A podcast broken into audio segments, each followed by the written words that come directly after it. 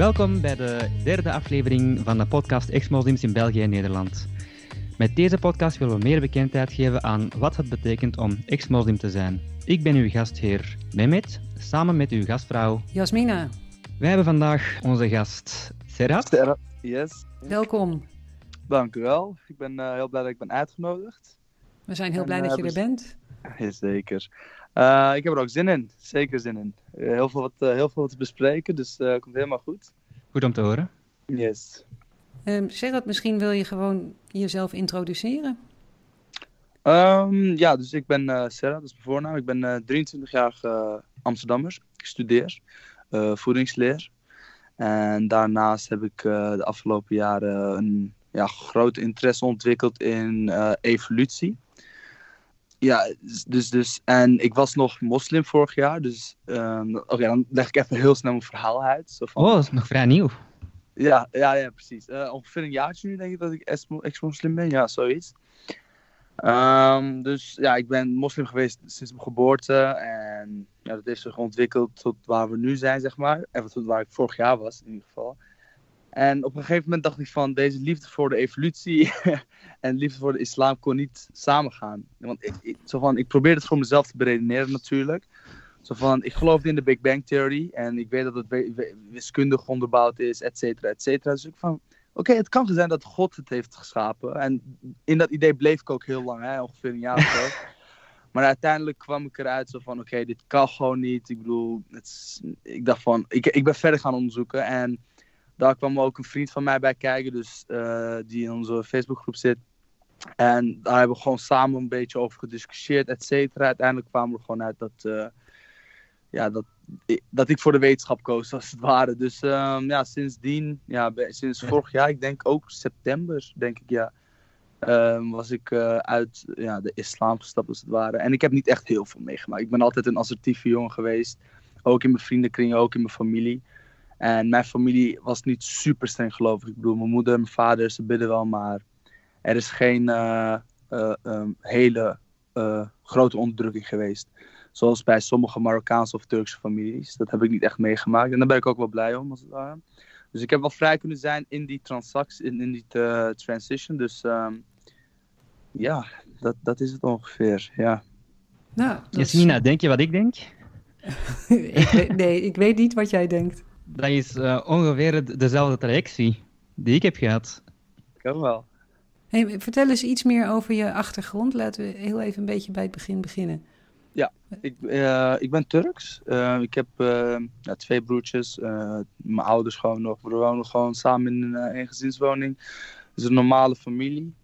En ja, natuurlijk, eh, mijn moeder en mijn vader die waren, die zijn moslim. En die hebben me dan ook zo op die manier opgevoed. Eh, waar ik ze ook niet voor eh, in, in, de in eh, ja, acht neem of zo. Ik neem ze ook niet kwalijk, wat dan ook. Ja, dat is dus gebeurd. En ja, eh, even kijken. Ja, wat kan ik nog meer zeggen? Ehm, Gingen jullie echt ook elke, elke week naar de moskee? ehm, ja, ja en nee. Dat was het dus. Ik heb ook eh, heel lang Arabische les gehad in de zomervakanties. Maar dat kwam uit mezelf. Ik had zelf voornomen om dat te doen. Doe je Eh, Arabisch, eh, Arabische taal of Arabisch lezen? eh, Ar- Arabisch lezen, zeg maar. Dus het, het, Ah, ja. wilden het opbouwen. Dus eh, ik ging naar de imam daar in die, in die moskee.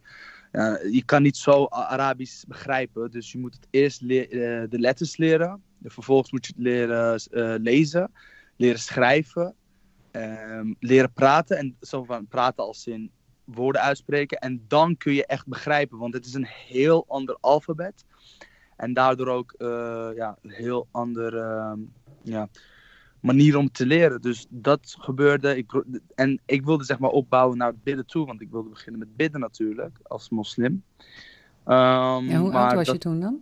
eh, ik denk 18, ja, zoiets, 18. Ja, ja dat, het was 18 inderdaad, 17, 18. Rond die leeftijd. En ja, toen begon ik met studeren. Ik, ik ben eh, begonnen met fysiotherapie.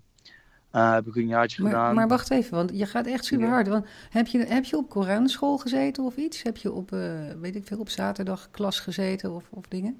N- Nee, het was, eh, ja, zeg maar, het waren twee jaren op, achter elkaar. En in de zomers, wanneer ik vijf was van school, toen was dat ik nog op de middelbare, ging ik ehm, ja, naar, de, naar de moskee om daar met de imam ehm, ja, Arabisch te leren. Want de, de basisschool en de middelbare school, wat- wat- heb je op openbare scholen gezeten? Ja, openbare school. Ik zat eh, in Oud-Zuid, echt de kakkersbuurt in Amsterdam. En daar, ben- ja, daar ben ik opgegroeid.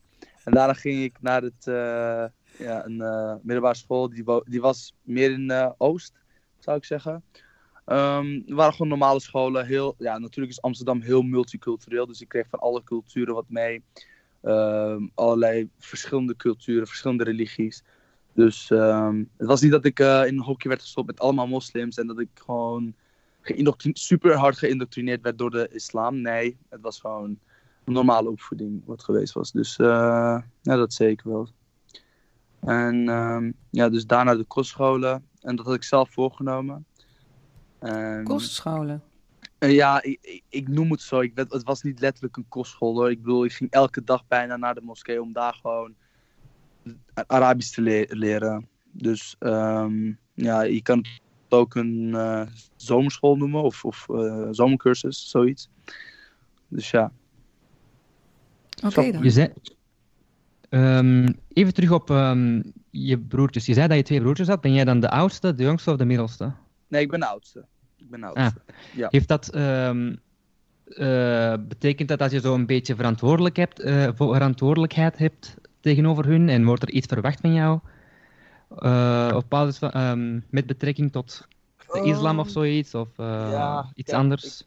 Ik was, ehm, ja, ik, ik, ik ga gewoon open en eerlijk zijn natuurlijk. Maar ik was, mijn band met mijn broertjes was nooit goed. Ehm, tot aan nu, eerlijk gezegd. Dus ik had eh, twee broertjes, eentje is 18, eentje is nu 20, ja, 18 en 20. En natuurlijk zit er een aspect is in dat wij volwassener worden. Maar vroeger konden wij echt niet opschieten. We waren drie jongens die eh, constant ruzieden, et cetera. Ja, en het, ik, ik was zeker wel een leidende rol, maar ook weer niet. Dus dat was wel iets en is ook wel iets om op te noemen. Want nu zijn we veel closer. Mijn eh, middelste broertje van 20 jaar, die is inmiddels ook wel uit islam gestapt, denk ik. Ehm, Denk je?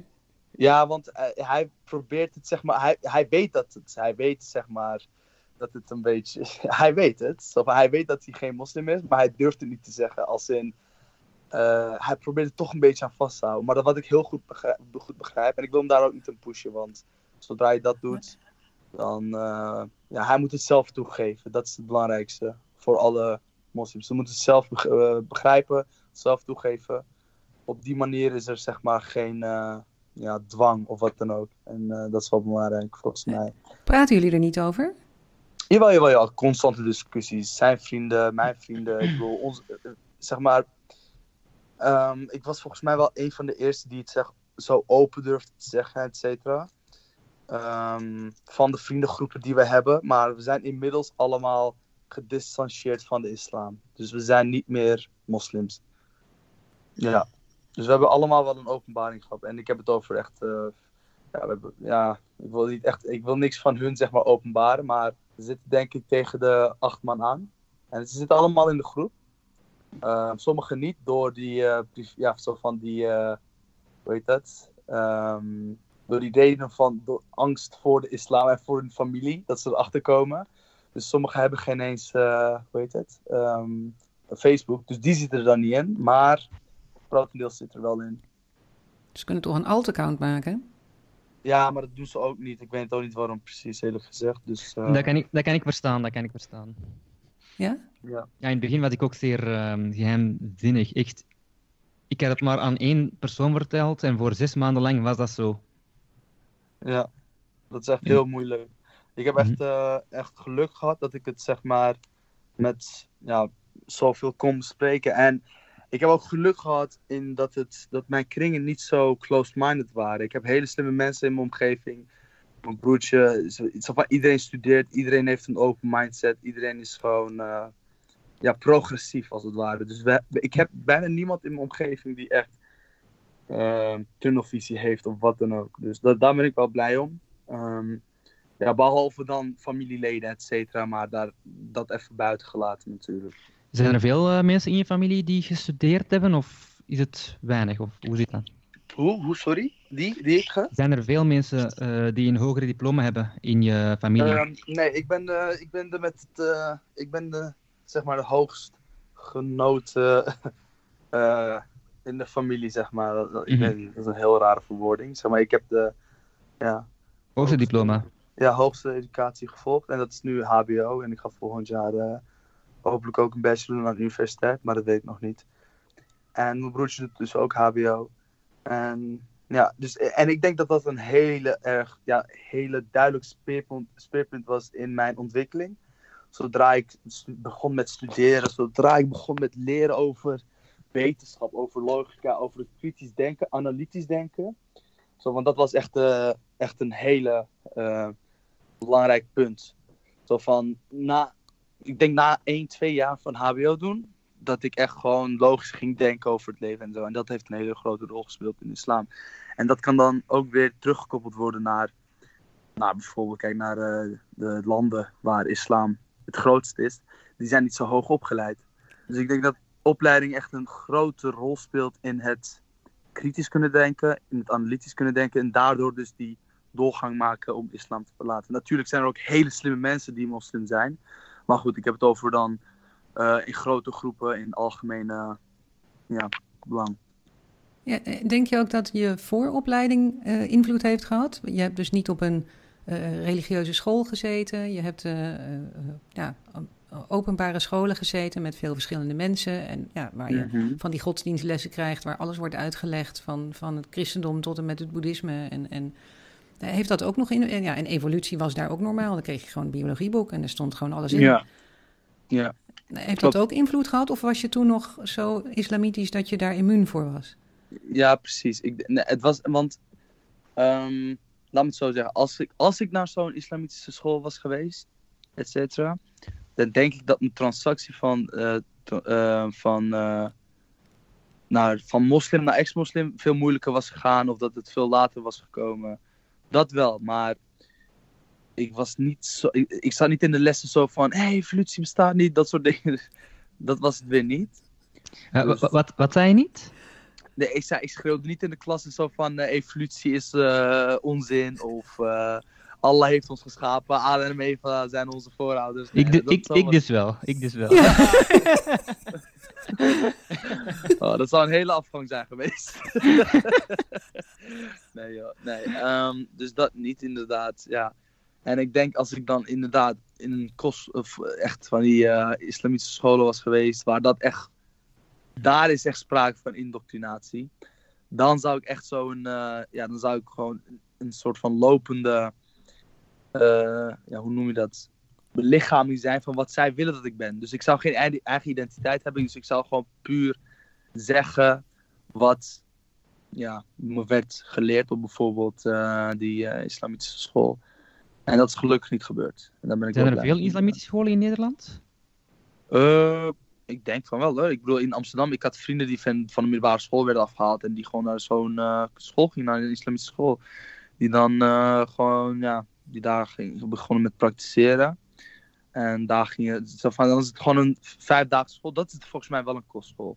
Dat je daar gewoon een vijfdaagse schoolweek hebt. En dat je daar ook elke dag slaapt. Ja. Dus je slaapt, je staat op, je gaat praktiseren, je gaat de Koran lezen, je gaat bidden, je gaat dat doen. Je krijgt natuurlijk andere les, lesjes tussendoor, wiskunde en zo. En dan weer terug naar bed en dan volgende dag weer hetzelfde. En dan weekenden ben je thuis. In België bestaat dat dus niet. Nee, echt gewoon totaal niet? Eh, bestaat wel zo'n. Bij ons noemen ze dat concentratiescholen, denk ik. Waar je echt, Oh, ja. ja, waar je echt enkel eh, moslims hebt. Maar ja, echt specifiek islamitische scholen noemen ze niet. Noemen ze dat niet, nee. Ik wist, niet dat er, ik wist niet eens dat er islamitische kostscholen zijn. Wat bijzonder. En we hebben maar heel weinig kostscholen in Nederland, voor zover ik weet. ja. Ja, want eh, mijn vader wilde me sterker nog ook zo op zo. Nou ja, niet op een kostschool, maar een islamitische middelbare school bijvoorbeeld. Dat heette Comenius eh, in Amsterdam. Die, wil- daar wilde mijn vader me opzetten, maar gelukkig was dat niet doorgegaan. Mhm. Daar ben ik wel heel blij om nu. En Was je daar toen ook blij om? Eh, nee, toen begreep ik het nog niet helemaal. Ik, ben- ik- als ik heel eerlijk ben, ik was echt een dom jongetje. Ik bedoel, ik ben pas doorgebroken op mijn 19-jarige leeftijd. ik, ik ben pas beginnen met denken van op 20, zoiets. Dus mijn laatste jaren waren echt toen ik volwassen werd. En daarvoor was ik echt een beetje eh, ignorant. Zo'n vervelend jongetje. Dus wat ik nu ben is heel anders dan ik drie, vier jaar geleden was. Dus uh, ja. Ik, ja, ik, ben, ik sta heel eventjes versteld van jouw beschrijving van jezelf. ja, ja, maar je moet eerlijk zijn. Ik bedoel, je moet zeg maar, zodra je het besef hebt en het, uh, je, je kan erop reflecteren, dat is een heel grote vooruitgang in jezelf en in je ontwikkeling. Ik bedoel, ik, ik weet dat ik vroeg uh, laat ben uh, gaan ontwikkelen in, qua, qua volwassenheid. Ik bedoel, ja, ik heb mijn eerste dronk, slokje alcohol niet gehad op mijn negentiende. Dus zulke dingetjes, snap je? Ja, maar dat heeft er niet echt iets mee te maken. Nee, maar zo van. Uh, ik, ja, dus wat ik dus zei, ik uh, studeerde pas rond 19. En toen begon ik echt door te breken. En toen ging ik ook een beetje wat mm -hmm. vrijer zijn. Dus losser van mijn geloof en zo. Dus toen begon ik pas echt te ontwikkelen. Van, mm -hmm. Dus ik denk dat zeg maar dat losbondig zijn, dat los van God zijn, uh, ja, zeker een grote ontwikkeling was. Zo van dat daar, toen begon ik pas met ontwikkelen. Daarvoor was ik close to God, tussen aanhalingstekens. Daarna weer niet. En toen begon, begon, ik pas met ontwikkelen. Dus ik denk dat dat zeker wel een rol heeft gespeeld in uh, het volwassen worden. Mm -hmm. kan, je, kan, je, iets vertellen over het soort islam waarmee je bent grootgebracht? Oh ja. Um, even kijken hoor. Mijn, ja, mijn moeder en ik, ben, ik ben Turks. Mijn ouders zijn Turks. En volgens mij zijn wij Soenieten, uh, toch? Met? uh, meestal wel, ja. In 95% ja. van de gevallen. Ja, dus wij zijn Soenieten. Um, um, ja, mijn ouders hebben nooit gepusht tot iets. Natuurlijk, er was wel zo van, hé, hey, je bent moslim. Uh, je gelooft in Allah, Mohammed is de laatste profeet, et cetera, et cetera. Dat, was er zeker, dat zat er zeker wel in. We hadden ook een exemplaar van de Koran thuis. Maar ik ben nooit gepusht of wat dan ook. Mm -hmm. um, dat, dat vond ik wel fijn. Mijn vader af en toe zo van dacht hij, oh, ik moet even de vader spelen, ik moet hem wel even islam aanleren. Hij ging je dingetjes vertellen of probeerde mij op zo'n school te zetten, zoals ik net vertelde. Maar verder niet echt uh, gepusht. Nee. Ging je naar uh, de Turkse Dianet moskee of was er een specifieke andere moskee waar je naartoe ging? Um, er was, volgens mij was dat een Dianet moskee. Het was in mm. Amsterdam-West en ik woonde toen destijds in Noord. Dus ja. um, ik moest best wel veel reizen. Mm -hmm. Dat weet ik nog wel best wel goed. Dus, uh, maar dat was gewoon puur omdat we die mensen daar kenden. Dus mijn vader kende hem. En ik begon gewoon met diegene en zo bouwden we het op. Het was een lieve imam, maar goed. Ja. Mm-hmm. ja. ja dus Dianet moskeeën zijn gewoon standaard Turkse moskeeën. Die worden beheerd door de Turkse overheid. Uh, waar niet echt zoveel speciaal aan is eigenlijk. Ja, oké. Okay. Ja, ja, ja. En, daar kwam je dan elke week of zo? Of was het, uh, ja? Uh, elke dag, in de zomer. Oké, okay, dat waren de zomers. Maar jullie, je, je ouders ja. waren. Je, er werd niet vijf keer per dag gebeden. Er werden niet s'nachts kleedjes tevoorschijn gehaald om uh, nog een keer. Nee. nee. nee. Dus mijn moeder bidt nu wel vijf keer per dag. Uh, dat doet ze ongeveer sinds vijf jaar. Dus we waren sowieso al niet heel gelovig. Hè? Nou, niet, niet heel gelovig, maar gewoon niet heel praktiserend, laat me het zo zeggen. En mijn oom en mijn oma, et cetera, ze doen het allemaal nu in de laatste jaren van hun leven steeds meer natuurlijk zo van het einde nadert, dus even het kleedje erbij halen en uh, bidden voor je God. Dus dat is zeker wel gaande momenteel. Maar naast dat, nee. En, en zo van als ik naar de moskee ging, bijvoorbeeld als, um, verleden jaar, als ik naar de moskee ging, kon ik ook best wel naar uh, de moskee in Amsterdam, waar ik woonde, in Amsterdam Noord gaan. Dus naar die van West ging ik echt puur omdat die man mij les wilde geven. Maar verder ben ik ook in uh, Amsterdam-Noord geweest. Genoeg naar de moskeeën, ook naar Arabische moskeeën. Dus um, ja. Even een anekdotevraag. Uh, wat, wat is je leukste of fijnste herinnering uit je, uh, uit je tijd dat je moslim was? Oh, oh jezus. Dat is, ik kan heel makkelijk opbiechten wat uh, het fijnste was. Of van de, zo van wat het vervelendste was, maar niet ik zit te denken hoor, dat het fijnste ja? was in mijn islamitische jeugd. Nou, het vervelendste mag ook, maar het fijnste vervelendste? of leukste is natuurlijk ook wel uh, mooi. Um, ik weet niet, alsof van, je, vindt, je hebt echt een verbondenheid, vind ik. Als moslim met ja, mensen inderdaad. om je heen. Ook al, je, zo, zodra je iets op tv hoort, bijvoorbeeld, uh, laten we zeggen, um, wie um, Benzema. Ik speelde heel veel FIFA vroeger. Benzema is moslim. Ik dacht zo, oké, oké. Benzema is een hele rijke voetballer, heel bekwaam. Maar hij is een voetbal, wow, hij is moslim, wow. Zo van een beetje relaten, zo van een soort van band voelen. Dus dat zit er, ja, dat zat er zeker wel in. En je hebt een sterke verbondenheid met mensen. Maar dat kan ook weer gevaarlijk zijn natuurlijk. Ehm, en qua meest... eh, ehm, ja, dat het gewoon puur indoctrinatie was. Dat was, dat is, zoals ik er zo op terugkijk. Het, was gewoon, het is gewoon pure hersenspoeling.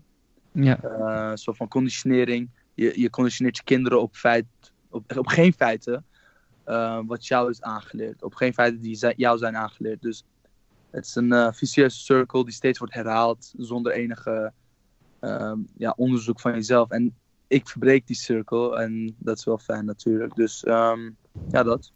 Dat zijn de Ja. twee dingetjes. Dus de verbondenheid is zeker wel wat moois. En ook weer de hersenspoeling is de negatieve kant ervan. ja. Ik, ik zeg hetzelfde. Verbondenheid, dat is echt zoiets dat ik zo'n beetje mis, maar langs de andere kant ook niet. Ja, Ja, je- ja precies. ja. Vind, zijn er familieleden van... Ze weten het allemaal, hè?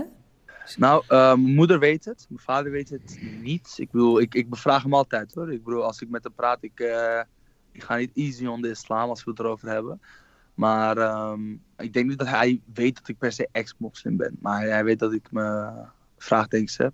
Ik denk dat mijn oom het weet. Hij is ook wel sterk, eh sterk praktiserend nu op dit moment. Maar verder mijn familie. Ik bedoel, als ze het mij zouden vragen, zou ik het gelijk zeggen. Zonder enig probleem. Maar niemand heeft gevraagd. Het is er ook nooit uitgekomen. Dus dat. Oh, oké dan. Want ik, en je moeder maakt ze... Want die weet het dus echt. Die weet het gewoon. Ja, ja, ja. ja. Zit, ze daar dan mee? Is ze bang dat ze eh, naar de hel gaat omdat ze jou niet goed genoeg heeft opgevoed? Of eh, zit ze er vreselijk mee dat het met jouw eeuwigheid nooit meer goed komt? Eh, Ehm, dat heeft ze eerlijk gezegd nooit echt openbaard met mij. Maar, ehm, blijf bij je microfoon. oh, hoor je me? Ja? Sorry. Oh ja, dus dat heeft ze echt nooit met mij geopenbaard of zo. Dus ehm, niet dat ik weet, maar ik denk als een gelovige dat je dan zeker wel denkt, oh shit, wat heb ik gedaan? Zoiets. Maar daar hebben jullie het niet over. Nee, nee, nee, nee. Ik, ja, als ik dan bijvoorbeeld over islam heb, dan, eh, dan zeg ik bijvoorbeeld zo van, ja, wat is dit en wat is dit in de Koran en eh, that's it. Maar verder niet echt. Misschien is mijn moeder ook niet zo streng geloof ik, ik weet het ook niet. Ja, zou kunnen. Maar je, je bent wel echt overtuigd geweest hè, van dat het waar was. Eh, ja, sowieso. Ja, En 100%. Ik dacht gewoon, oké, dit is een heel mooi verhaal. Zo van, dat ik altijd dacht, dus je bent een jonge moslim en ehm, je probeert natuurlijk wel een beetje zelf te graven. Dat heb ik ook wel gedaan. Ik dacht van, oké, wat kan het zijn? Het christendom klinkt een beetje onlogisch. Je, je hebt Jezus, de God en de Geest, die zijn dan de drie heiligen. En ik dacht van mezelf, nee, dat is niet logisch. Toen dacht ik aan het Jodendom en ik van, ja, die zijn ook niet logisch. Die, die zeggen dat, dat de aarde 6000 jaar oud is. Dus dat, dat, dat geloof ik al niet, want ik weet dat het dinosaurussen waren. We, zijn, we hebben gewoon fossielen. En toen dacht ik zo van, het moet wel islam zijn. Het, het moet wel wat ik nu, waar ik nu in zit zijn. En daarom ben ik erin gebleven. En ik heb, nooit, ik heb nooit gedacht zo van, het kan iets anders dan die drie zijn. Het kan ook ongelovig zijn. Dat, heb ik dat had ik gewoon nooit gedacht. En ik kwam er ook nooit op, omdat het gewoon nooit voorkwam. En daarom moeten wij op dit moment gewoon aan mensen laten zien, we kunnen eruit. Je kan gewoon eruit stappen en laten zien van, hé, hey, wij zijn geen moslim, we zijn geen volgers van de Abrahamische religies. Wij zijn er gewoon buiten. En dat is dus, ja. kan je, kan je eh, eh, het verhaal vertellen van het eerste moment waarop dat barsje kwam? Waarop die gedachte kwam die niet meer weg wou gaan van, is het echt zo? Hoe is die gedachte gestart? Eh, of het, of het, hoe, hoe, sorry, kun je het nog één keer herhalen? Nou, dat, dat eerste barsje in, in jouw zekerheid. Want je wist het zeker, want eh, ja, het moest wel islam zijn en dat was nu eenmaal de waarheid. En, en er was dus een dag waarop jij besefte dat jij dacht, is dat wel waar? Oh ja, ja. En hoe is dat, hoe kwam die gedachte binnen? Ehm, dan moeten we weer teruggaan naar even kijken, evolutie en de Big Bang Theory. Dus eh, zoals ik zei, ik ben heel wetenschappelijk ingesteld. En dat probeerde ik ook zo lang mogelijk vol te houden. Tot op het moment dat ik gewoon met vrienden erover had. En van, je hebt het op een gegeven moment over evolutie en van de islam gelooft er gewoon niet in. Eh, Zo van, het kan, evolutie en islam kan niet hand in hand, want zij prediken een ander verhaal dan de wetenschap en dat is Adam en Eva. En toen dacht ik zo van, maar het is gewoon niet zo. En waarom zou een God, een almachtig, all-knowing, all, everything, gewoon alles, je kan het niet in woorden bevatten hoe eh, krachtig hij is. Waarom zou hij dat dan in zijn boek zetten? Dus ik weet gewoon dat het onzin is, Adam en Eva. Dus ik kan er ook niet meer in geloven. Dus als ik daar niet in kan geloven, dan kan ik ook niet in, de, in het heilig boek geloven. Dus zodoende, zo stukje bij be- beetje bij beetje. En het, Mhm. ja, zo ging het een beetje. Maar het is echt nooit, het was nooit van een bepaald moment naar een ander moment. Het, was, het is echt gewoon geleidelijk ge- gegaan. Ja, En- ja. Ja, ik heb echt Ja. een eh, pinpoint accurate eh, moment in mijn eh, verleden dat ik dacht van nee, dat is het dus niet. Mhm. Heeft eh, Neil deGrasse Tyson daar eh, een rol in gespeeld, in jouw geval? Met de Cosmos-series? Eh, ik heb Cosmos niet gekeken, Maar ik heb Neil deGrasse Tyson genoeg gezien op internet. Wat, Mhm. Wie heel belangrijk een rol speelde was Christopher Hitchens, eh, Mhm. Richard Dawkins, eh, Sam Harris ook een beetje. Ehm, uiteindelijk namen, ja, eh, zo van, nadat ik ex-moslim was, eh, ben, geweest, ding ook, hoe heet hij ook alweer? Armin Navabi. Hij komt ook naar Mhm. de Bali. Eh, dus ik kijk hem nog steeds, ik luister nog steeds naar hem. Maar echt Richard Dawkins, want ik, toen ik nog streng, streng gelovig was, keek ik Richard Dawkins. Eh, Mhm. dus ik, ik keek zijn debatten en ik dacht altijd zo van, eh, heb, zo van, ik probeer het een beetje goed te praten. Ik weet niet zo van, eh, hij praat onzin, ik bedoel, het is toch niet waar, zulke dingetjes. Maar het is wel, het is wel goed dat het er was. Van, het werd onbewust in mij opgenomen Ja, ja. en ik ging er onbewust over nadenken. Dus ja, hij heeft er zeker wel een rol in gespeeld. Heb je ooit naar Harun Yahya gekeken? Wie? Harun Yahya. Nee, Oké. niet. Of Adnan Oktar, misschien ken je hem bij, zijn na- bij deze naam. Oh, ja, ja, Ja. ik snap wie je bedoelt. Ik, heb, ik weet wie je bedoelt, maar het is nooit dat ik eh, eh, geïnteresseerd of zo in hem was. Of wat dan ook. Ja, de- het, is, ik- het is meer zijn eh, documentaires over hoe de evolutie niet waar is of zo. In die documentaires noemt hij zichzelf Harun Yahya. En in alle andere gevallen noemt hij zichzelf Adnan Oktar voor een of andere reden. Oh, ja, dat wist ik geen eens. Ik wist niet dat hij zeg maar, zo'n boek of wat dan ook had geschreven. Ik dacht Hij dat heeft er echt gewoon... miljoenen. Alleen miljoen is natu- natuurlijk overdreven, maar hij heeft echt veel boeken en video's die hij totaal zelf heeft geschreven, natuurlijk. Ja. Nou ja, Nee. eh, ah, Nee. voor, voor, de, voor de samenvatting. Adnan Oktar is echt zo'n eh, ja, Clown. Turkse imam die echt... Die, oh, dat is gewoon... Ik, ik ken, ik, eh, ken je... um, Hoe heet die tv? Ehm Imra Eh. TV of zo? Ah, A9 TV bedoel je? Of? Nee, die, ehm, die Arabische. Ah, Memory. Memory TV. Memory, dat was het. Ja. Memory TV. Zo'n grap is het. Zo, zo, hij hoort precies daar thuis. Nee, nee ik, Oké, eh, in Memory beschrijf dit TV zou, even voor zouden de... ze hem ook buiten shotten, hè? Met al, eh, met eh, al hij zijn was er een op gekomen, ja. Jongens, dit, dit is echt in-crowd tekst hoor. Voor de gemiddelde Hollander zoals ik moet je nu vertellen waar je het over hebt. Heb je een vergelijking, zodat mensen die er niks van weten ook eh, snappen wat het is? Niet dat er een vergelijking bestaat voor A9 TV. Dat is echt zo uniek aan Adnan Oktar. Dat is zo eh, een tv-kanaal, een Turkse tv-kanaal van zijn secte. En wat zijn secte juist is, weet ik niet helemaal juist. Maar hij loopt basically rond met eh, hoe hij ze noemt, met haar eh katjes. Zo noemt ze, eh, ze hun. Dus dat zijn dus basically eh, vrouwen die vol make-up, half naakt. En daarmee lo- loopt, loopt hij altijd rond, voor een of andere reden. En dat is dan een imam. Dus een totale tegenoverstelling. Auw. Dan denk ik van, what the hell? Ja, maar hij is ook heel vaak in het nieuws geweest met hele rare verhalen. Ik bedoel, dit, dit is gewoon... Ik snap niet hoe mensen hem alsnog als een imam zien of zo, maar dat laat weer zien. Die- De indoctrinatie gaat diep. Dus zodra je iets gelooft, dan blijf je het geloven. Hij is ook de reden waarom Richard Dawkins niet meer in Turkije mag. Oh, Wat? Ja, echt. Hij heeft een, ehm, eh, een rechtszaak begonnen tegen, eh, tegen hem omdat hij islam heeft beledigd. Dus dan mag Richard Dawkins niet meer eh, Turkije binnen. Ja, ik weet niet hoe erg Richard Dawkins dat vindt. ja, kan ik me heel goed voorstellen. Ik eh, wens het me ook niet aan hoor, dat hij... Zeg maar, keek je die debatten dan in je eentje of deed je dat met vrienden of zo? Nee. In mijn eentje. Dus eh debat, debatten tussen Richard Dawkins bedoel je, toch? Ja? Ja. ja? Dus ehm, nee, gewoon in mijn eentje was ik gewoon thuis en zat ik af en toe op YouTube en dan zag ik dat voor, voorbij komen. Dan klik je daarop en blijf je dat kijken. Ik heb wel heel veel, heel veel van die sterke, van die sterke discussies gezien tussen eh, moslims en non-moslims. Bijvoorbeeld ook, eh, hoe heet die natuurkundige, iets met Krauss? Kraus, Lawrence Kraus. Lawrence Krauss, ja, ja. Hij, en, eh, en hij had een ehm, discussie met eh, een, eh, nog iemand. Ik ga het even opzoeken hoor. Is het, is het ene in Australië? Ik bedoel, Die ene van Hizb ut-Tahrir? Ehm, nee, die, eh, hij had iets, een, een soort Griekse naam of zo. Ik weet niet meer. Ah, ja, oké, ik weet wie je bedoelt. Ik weet zijn naam niet direct nu. Ehm Ja, dat moeten we wel vinden, want dat item gaan we in de show notes zetten. Greek Imam Guy.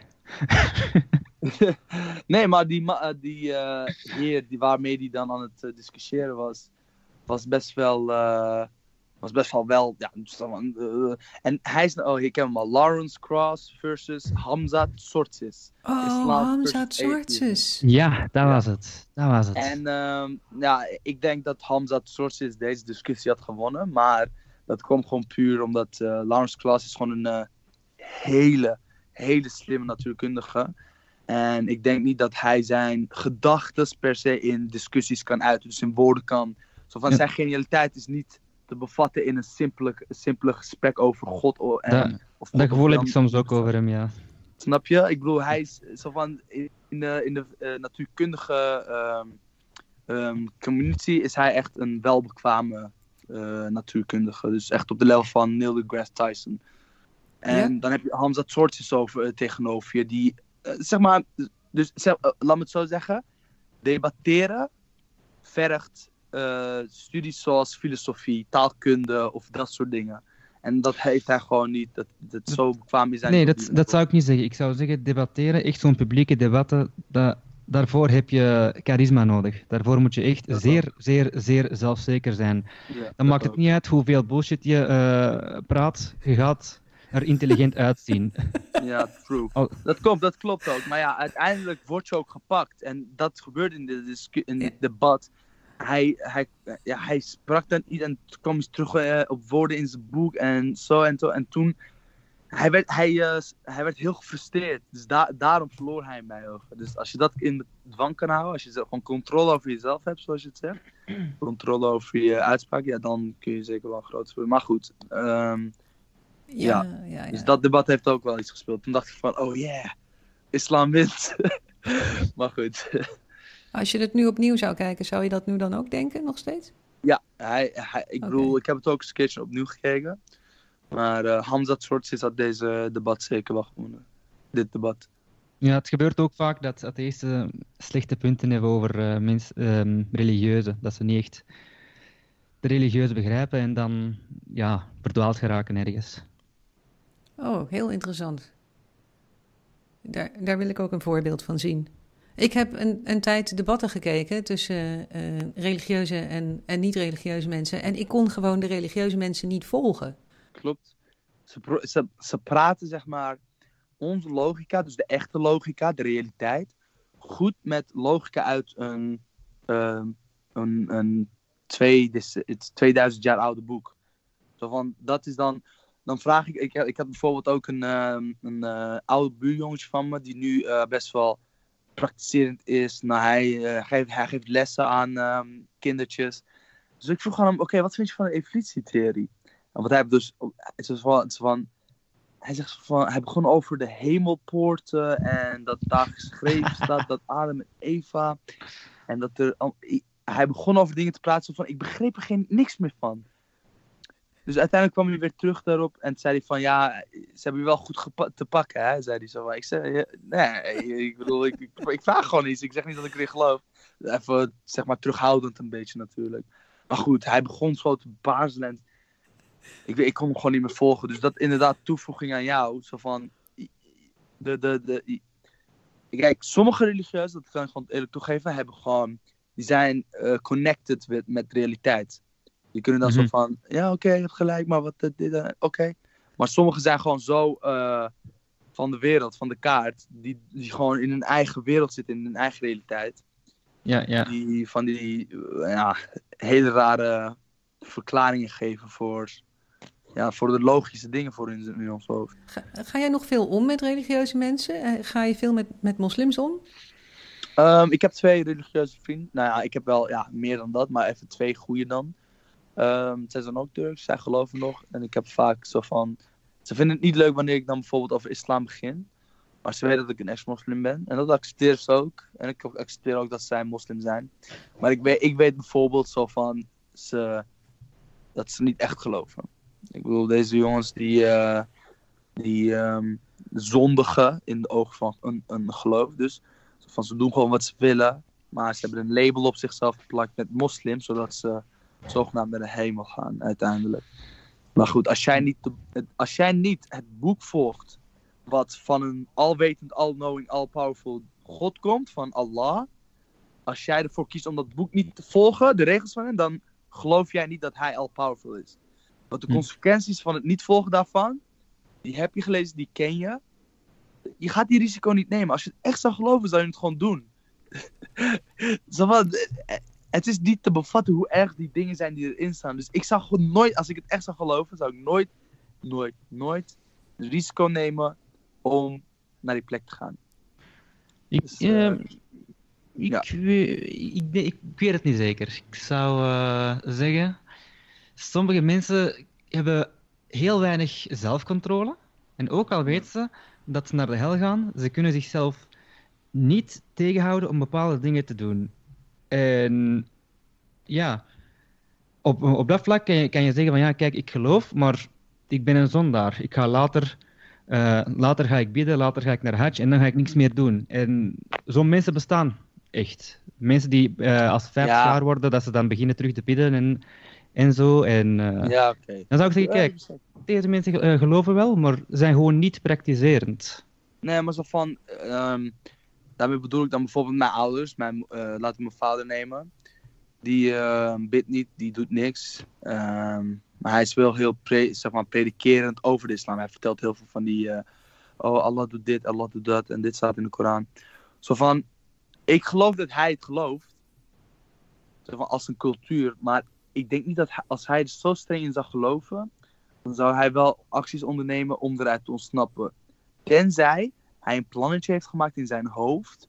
Waardoor hij toch wel naar de hemel gaat. Dus dan denkt hij van: oké, ik bid niet, ik doe dit niet, ik doe dat niet. Maar ik ben wel een goed persoon, dus ik ga wel uiteindelijk. Snap je? Dat wordt wel goed Ja, gedaan. ja. Misschien heeft hij een heel. Ik weet niet of dat. Misschien zijn er ook wel heel veel moslims die niet zo heel veel weten over hun boek. inderdaad. En ook niet over hun geloof. En die een heel soort Ja. schattig, eh, luchtig beeld hebben Ja. van dat er een lieve God op ze wacht als ze dood zijn. Ik weet nu, eh, ik zou zeggen, honderd keer zoveel over, me, over de islam dan dat ik wist daarvoor. Voordat ik ex-moslim werd. Eh, eh, Ah, ah, maar ben jij grootgebracht met zo'n zo'n eh, snoezig roze, roze strikjes Ja. beeld? Ja, ja, van ja. de- sowieso, sowieso. Ik bedoel, je gaat niet, zo van, als je wordt grootgebracht met Allah. Mohammed was een, weet ik veel, een warlord, was een slaafhandelaar, was een, had seksslavinnen. Mohammed was, voerde alleen maar oorlog. Hij, was, hij had een kind van, hij had, was getrouwd met een kind van zes. Zo van, dat gaan ze je niet vertellen, want dat ga je niet, dat, dat ga je niet als een eh, voorbeeld voor jezelf zien. Je gaat niet je kinderen vertellen ehm, dat God eindelijk, eigenlijk gewoon best wel sadistisch is.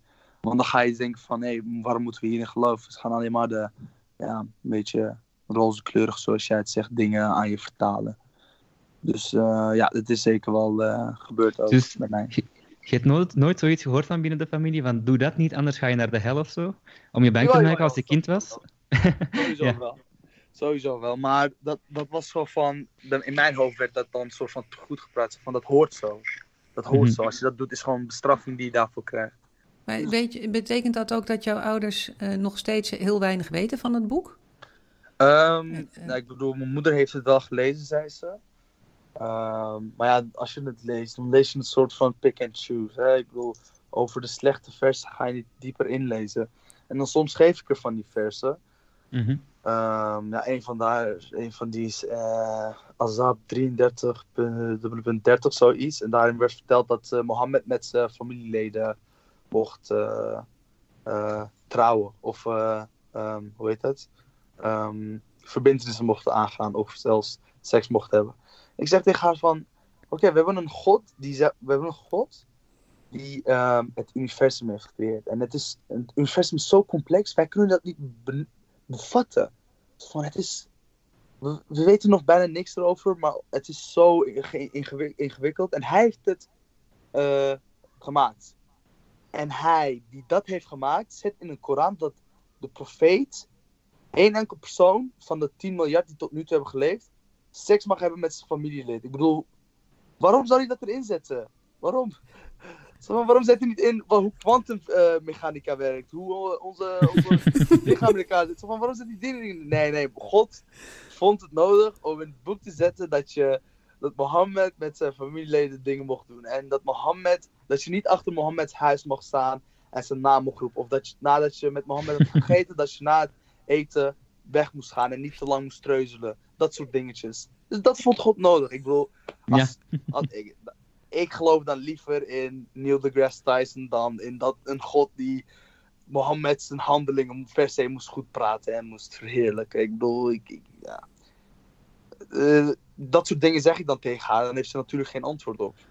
Dus, ja, je bent wel scherp zeg, met je gelovige familie. Ze ontkomen er niet aan, hè? Nee, sowieso niet. Maar zo van, dat, dat is ook wel dat is een belangrijk punt. Zodra je zeg maar uh, zeker bent van je zaak, op, op een gebied gaan ze je dan ook wel serieus nemen. En nou ja, ik zou ook wel oppassen in welke familie je dat doet. Ik bedoel, ik ben uh, fortunate enough om dat te kunnen doen. Maar ik, ik, ik heb Marokkaanse vrienden of zo die die dat zeker niet kunnen doen. Want die hebben drie, vier broers die gewoon bidden. Die uh, geven een tik voor kop als die, als die over Allah praat op zo'n manier. Ik heb uh, de, uh, de ayah gevonden waarover het je had. Het is uh, Surat al-Ahzab nummer 37, dus 33, 37. Oh, 33, 37, sorry. Ja. ja. En het gaat over de profeet die met de vrouw van zijn geadopteerde zoon trouwt. ja. ja. Oh jezus, dat verhaal. Het, ja. Mohammed als een kind had een zoon geadopteerd. En hij overleed volgens mij uit mijn hoofd. En hij, wilde natuurlijk, hij vond zijn vrouw aantrekkelijk. En op die manier heeft hij dan een weggetje gevonden om toch uh, gehuwd te worden aan, zijn, uh, aan de ex-vrouw van zijn geadopteerde zoon. Zodat hij toch ja, ja, seks kon hebben met haar. kon hebben. Nee, nee, die, die, die, die was niet dood, denk ik. hier zegt hij, so when Zayd had no longer any need for her, we married her to you, in order that there not be upon the believers any discomfort concerning the wives of their adopted sons. La la la la la. Oké, dus hij, was nog, uh, le uh, hij leefde nog, nog erger. Die, die, had hem gewoon niet meer nodig. ja, die had hem opeens niet meer nodig. Ik bedoel, ja, je hebt als vrouw opeens niet meer nodig. Zo van, zo van uit dit soort oh versen kun je ook opmaken dat de vrouw gewoon een soort van als een object wordt gezien. Het was niet meer nodig, ze was niet meer nodig. Weet, weet je hoe er wordt gesproken in de Koran over hoe je seks moet hebben met je vrouw? Uh, in één standje volgens mij. Eh, je, je moet ze rijden zoals je je dingen rijdt. Um... Een paard. Nee, geen paard. Dat was... Allee, ja, in het Turks gaat dat, maar als je dat vertaalt naar Nederland, dan is rijden niet meer het juiste woord. Omdat in het Turks en uh, in het Arabisch is dat is dat zo één woord die voor twee uh, dingen betekenen. Um, zoals je... Tarla is weer gibi sürersin. Ik weet niet hoe je dat moet vertalen naar het Nederlands. Tarla? Tarla? Ta tarla is weer gibi sürersin. Wat is een tarla? Tarla is een farm, um, een weide. Oh, ja, ja nou heb je mij nieuwsgierig gemaakt. Nou wil ik ook weten waar dat nou over gaat. ja, het gaat over seks, dus nu wordt het interessant. ga gewoon Google Translate erbij pakken. ja. Nee, zeg maar, dan leggen ze uit hoe je op, uh, ja, op een juiste manier je vrouw moet uh, bevredigen. Uh, en dat is dan in Turks vertaald. Maar meestal heb je van die spreekwoorden die je dan niet terug kan vertalen. Net zoals je, uh... Ik kan me haast niet voorstellen dat ze zich bezig hielden met het seksuele geluk van vrouwen. Letterlijk vertaald is het ploegen. Het gaat hier om de Ploegen, ja. ja. ja. Ploegen gewoon. Ja ploegen. Jongen, jongen, jongen. maar ja, in het Turks en het Arabisch is dat dus een homoniem. En je kunt dat in twee, dingen, twee manieren zeggen. Dat kan twee betekenissen hebben. Lekker handig dan. Maar er wordt ongetwijfeld ploegen bedoeld. Daar kan iedereen zich iets bij voorstellen. Ja. hey, word je, um, Gerard, word jij door niet... ach, ik begin mijn zin opnieuw. word jij door niet-moslims um, automatisch gezien als moslim? Moet je iedere keer zeggen, ja, hallo, geef mij maar gewoon een biertje. Uh, ik vind het allemaal onzin. Of hoe, hoe gaat dat? Um, op zich wel, hoor. Nou, het is niet zo van dat ze denken, oh, je bent moslim, wat drink je? Nee. Ik, ik dronk ook uh, toen ik nog moslim was. Maar bijvoorbeeld uh, op gebieden van... Um, als ik nieuwe mensen ontmoet, dan denken ze natuurlijk bij voorhand dat ik moslim ben. Um, ja. Nou, dat is ook wel logisch, dat neem ik zo niet kwalijk. Dan leg ik het even uit. Of dan zeg ik van nee, ik ben geen moslim. Ik had bijvoorbeeld, ik, uh, uh, bij mijn werk was ik vrij, ging gewoon met een, met een collega gewoon lopen. En na, na, na het werk dus. Um, we hadden het gewoon over, weet ik veel, over dingen. En toen zei ik van ja, ik ben geen moslim. Het kwam even op neer. Toen zei ik, ik ben wel moslim. En hij, hij was, ik denk, Molux of zo. En hij was een bekeerde moslim. En toen gingen we het over religie hebben. Maar goed, um, ja, ze gaan er meestal natuurlijk vanuit dat ik moslim ben. En ja, dan moet ik het wel even duidelijk maken dat ik dat dan niet ben in ieder geval.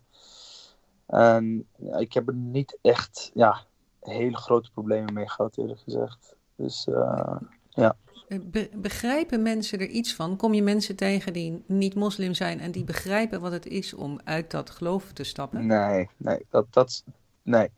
Zo van, je kan het niet bevatten, omdat je, um, zo van, het is een, jouw, eh, de, de interpretatie die zij hebben over van de wereld, hun referentiekader, is een, is een hele andere soort dan dat wat ik heb. Dus bijvoorbeeld, uh, ik kan bijvoorbeeld ook niet begrijpen waarom zij, weet ik veel, het heel leuk vinden om uh, op vrijdagavond helemaal naar de kloot te zijn of zo. Van die, van die stu uh, studievereniging, dat, vind ik, dat snap ik ook niet. Dus, um, Allee, ja, kom aan. nee,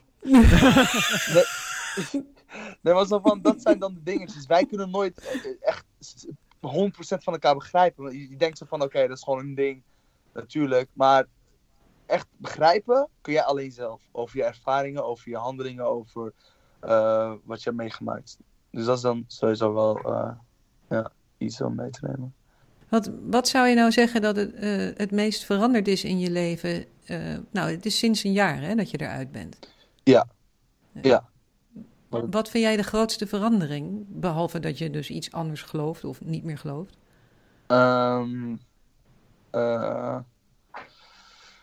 in mijn leven, ja, ik ben wat vrijer geworden. Ik, um, ja, ik weet niet eigenlijk. Er is niet heel veel van. Want natuurlijk aan het, tegen het einde aan van mijn moslimhoed was het al zo van, ik ben van God los. Ik, ik hield me er niet meer aan, omdat ik er gewoon simpelweg niet in geloofde. En uiteindelijk was er natuurlijk zo'n doorbraak waarvan ik zei, jij bestaat echt niet. En in die transactie, in die, uh, zeg maar, in die ja, veran een verandering was er, ik weet niet, is er heel veel veranderd sinds vorig jaar. Um, ja, ik voel me op zich wel wat vrijer. Ik erover nadenk. En, dus exact hetzelfde wat ik zeg. Ja, is zo van, je voelt je wat vrijer. Je hebt niet zo'n uh, rare gedachte dat iemand over je, oh, oh, je hoeft niet steeds over je schouder te kijken. Zo van, oh shit, is er een god die naar me kijkt en me gaat straffen en me voor eeuwig gaat laten ja, ja. branden. Zo van, oké, okay, ik kan, zo van, je kan handelingen doen zonder dat je er bang voor bent om voor eeuwig naar hel te gaan. Dat is echt een hele geruststelling voor jezelf. Dus, Had je angst om, om te twijfelen over je religie? Om zelfs over um, het twijfelen te denken? Ja, dat, dat, dat, dat was het dus. Natuurlijk, die angst heeft mij weerhouden om eruit, mm -hmm. om, om eruit te stappen. Anders zou ik nog eerder eruit stap, uh, gestapt zijn. Maar uiteindelijk was het zo duidelijk, was het zo'n grote, zo'n hoopje onzin, dat je dan denkt van ja, oké, okay, ik kan het gewoon niet geloven. Ook al wil je dat wel, ook al wil je dat wel, dat is het hele ding. Hè? Zo, van, ja, inderdaad. Willen ze moeten het geloven, anders ga je naar hel. Maar goed, dat, dat was dus bij mij geen factor meer en toen stapte ik eruit. Maar je bent nooit zo heel bang geweest voor die hel, of wel? Tuurlijk wel. Oh, toen ik kind ja? was, oh jee. Dat, ja. Zo van, als kind, dat verhaal horen van hel, dat is wat jou vastketent aan religie. -hmm. En dat we, als, we, als we dat niet zouden doen, denk ik dat we veel minder gelovig zouden zijn. Zo van het horen wat voor plek hel is, dat is gewoon, oh mijn god, ik, ik ga niks slechts doen, ik wil niet daar naartoe. Zo van, je verbrandt, je, je huid komt weer terug en je zenuwstelsel verbrandt, dat komt weer terug. Je zit, zo van, lichtste bestraffing van het hel. ehm, dit, ja, dit was ooit door een imam aan me verteld. De lichtste bestraffing van de hel was de deur van de hel die even open ging en weer dicht ging. En degene die daar stond, dat was een vrouw of zo, die, dat, die, dus, die dus de deur open deed voor één seconde, zo van heel kort even. Die zei dat ze nog nooit zoiets ergs had meegemaakt. En dat die lucht zo warm was, dat ze gewoon helemaal gesmolten was en zo. En zo van, alleen dat lucht al, hè, van, van de hel. Dus zo van, laat Mhm. staan als je erin bent en dan in de laatste categorie. En eh, Wat een griezelverhaal. ja, allemaal. Dit is nog het lichtste. Nou, Dit was dus het Ja. lichtste van het lichtste. Ik bedoel, je kan veel dieper gaan in dit. Maar Ja, ja, Wij hadden Jip en Janneke. snap je? Zo van- Daarom worden die Turken zo agressief wanneer ze groot worden. Ik bedoel, Er er zijn wel draken in, in de hel. ja. Oh. Maar Ook nog. Ja, nee, nou ja, brengt het jou nog op ideeën? Zijn er dingen die je kwijt wil daarover? Nou ja, kijk, we doen dit omdat er zo weinig zo ontzettend veel mensen zijn zoals ik tot kort geleden was. Gewoon mensen die hebben geen idee wat het is om moslim te zijn en vooral niet om ex-moslim te zijn. Ehm, ja, dus misschien heb jij daar ook gedachten over. Wat hoe dat is om ex-moslim te zijn en dat nog steeds een heleboel mensen compleet niet snappen wat dat, wat dat eigenlijk inhoudt. ja. ja, ik denk zo van ehm, elke religieuze ehm, is een eh, product van ja, jarenlange eh, indoctrinatie. En dat, eh, dat we dat niet licht moet, op moeten nemen. En mensen denken altijd van ja, iedereen mag zijn wie die wilt zijn. Ja, tuurlijk mag je zijn. Je mag doen wat je wilt met jouw lichaam. Zo van, ik kan jou niet verbieden om, weet ik veel, drugs te doen of eh gedachten te hebben. Maar zodra dat invloed heeft op de vrijheid van een samenleving, daar moet dan in, zo van op gespeeld worden. En dat is met elke religie zo. Niet alleen in de islam. Maar in islam in ergere mate, maar bijvoorbeeld ook christendom, de pelgrimstochten, dat mocht niet gebeuren. Ehm, ook, kijk naar christendom, ik bedoel, kijk naar de hele Bijbelbelt. Het is een, is een beetje achterstallig. En ik vind bijvoorbeeld ook, ik kijk naar de, de kerken, eh, de, de, de priesters die daar onnatuurlijke dingen doen met kinderen. Dat, is allemaal, dat zijn allemaal dingen die niet thuis horen in een vrije en seculiere staat. En daar moeten we dus naartoe werken. Een seculiere staat. Je mag een geloof of religie als soort van eh, cultuur hebben. Dat, dat zeg ik altijd. Van, je kan wel moslim zijn, maar het zit dan een beetje als cultuur neer. Zo van, het is geen absolute waarheid. Het kan geen absolute waarheid zijn. We hebben al de absolute waarheid. We hebben al uitleg bijvoorbeeld over waar we vandaan komen. Wij komen van de, wij komen van de hominoids. Dat zijn onze voorouders. Onze gedeelde voorouders met, eh, met de apen, met de chimpansees. Wij hebben al een best wel goede verklaring over hoe alles is ontstaan. De Big Bang Theorie. En de Big Bang Theorie is niet zomaar een theorie. Het is een welbedachte, met wiskunde onderbouwde, met natuurkunde onderbouwde eh, theorie. Die dan helemaal is uitgewerkt. Natuurlijk is die bewezen, dat kun je niet bewijzen. We kunnen niet miljarden jaren terug. Maar dat is veel beter dan God heeft het in zeven dagen gecreëerd. God heeft Adam en Eva gecreëerd en eh, zij zijn onze voorouders. Die zijn veel meer plausibel. Die zijn, ik ben veel, veel eerder geneigd om dat te geloven. En daar moeten we naartoe streven. Dat moeten we geloven. Dat moeten we als absolute waarheid nemen. En, dat als, en, en de rest als een beetje symbolisch zien. Symbolisch. En een beetje achter de hand houden. Ik weet niet of ik duidelijk ben, Ja. maar... Dus dat... Ja, ja, ja, zeker. Je bent zeker duidelijk. Wat is de discussie die je het vaakste hebt? Wat voor soort gesprek heb je het vaakst over eh, wel of niet moslim zijn? Ehm, ja, kijk, soms zit ik met mijn broertje of zo en, eh, en de vrienden van broertje of met mijn vrienden ehm, een joint smoke of zo en dan ga, gooien we een eh, stelling erin. Eh, ja, in Amsterdam is dat gewoon eh, normaal, dus... maar ehm, Je, je gaat delen. sowieso, als je de, balie, dan gaan we een hele mooie opsteken. maar ehm, ja, dan, hebben, dan zetten we bijvoorbeeld een stelling neer. Bijvoorbeeld, dan hebben we het niet per se over islam, maar over God. Bestaat God? En als hij bestaat, is hij dan oprecht? Is hij dan gerechtvaardigd? Want dan, en dan komen we altijd op hetzelfde neer, dankzij mij. Dat als God bestaat, dat hij een beetje dat hij sadistisch is, dat hij niet oprecht is, en dat hij ook niet almachtig is.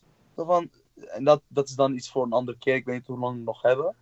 Maar Zolang als je nog eh, iets te vertellen hebt. Oké, dan Maakt ons gaan we niet hier uit. ook op in. Zo van, als er een God is en die zorgt voor pijn en bederf zoals wij die ervaren. Dus kijk naar, en we hebben het niet over armbreken of wat dan ook. Of een, eh, eh, of weet ik veel, slecht ruiken. We hebben het hier over botkanker bij pasgeboren kinderen. We hebben het hier over parasieten die de, die de hersenen van kinderen opeet van binnenaf. We hebben het hier over de ergste van de ergste op de wereld.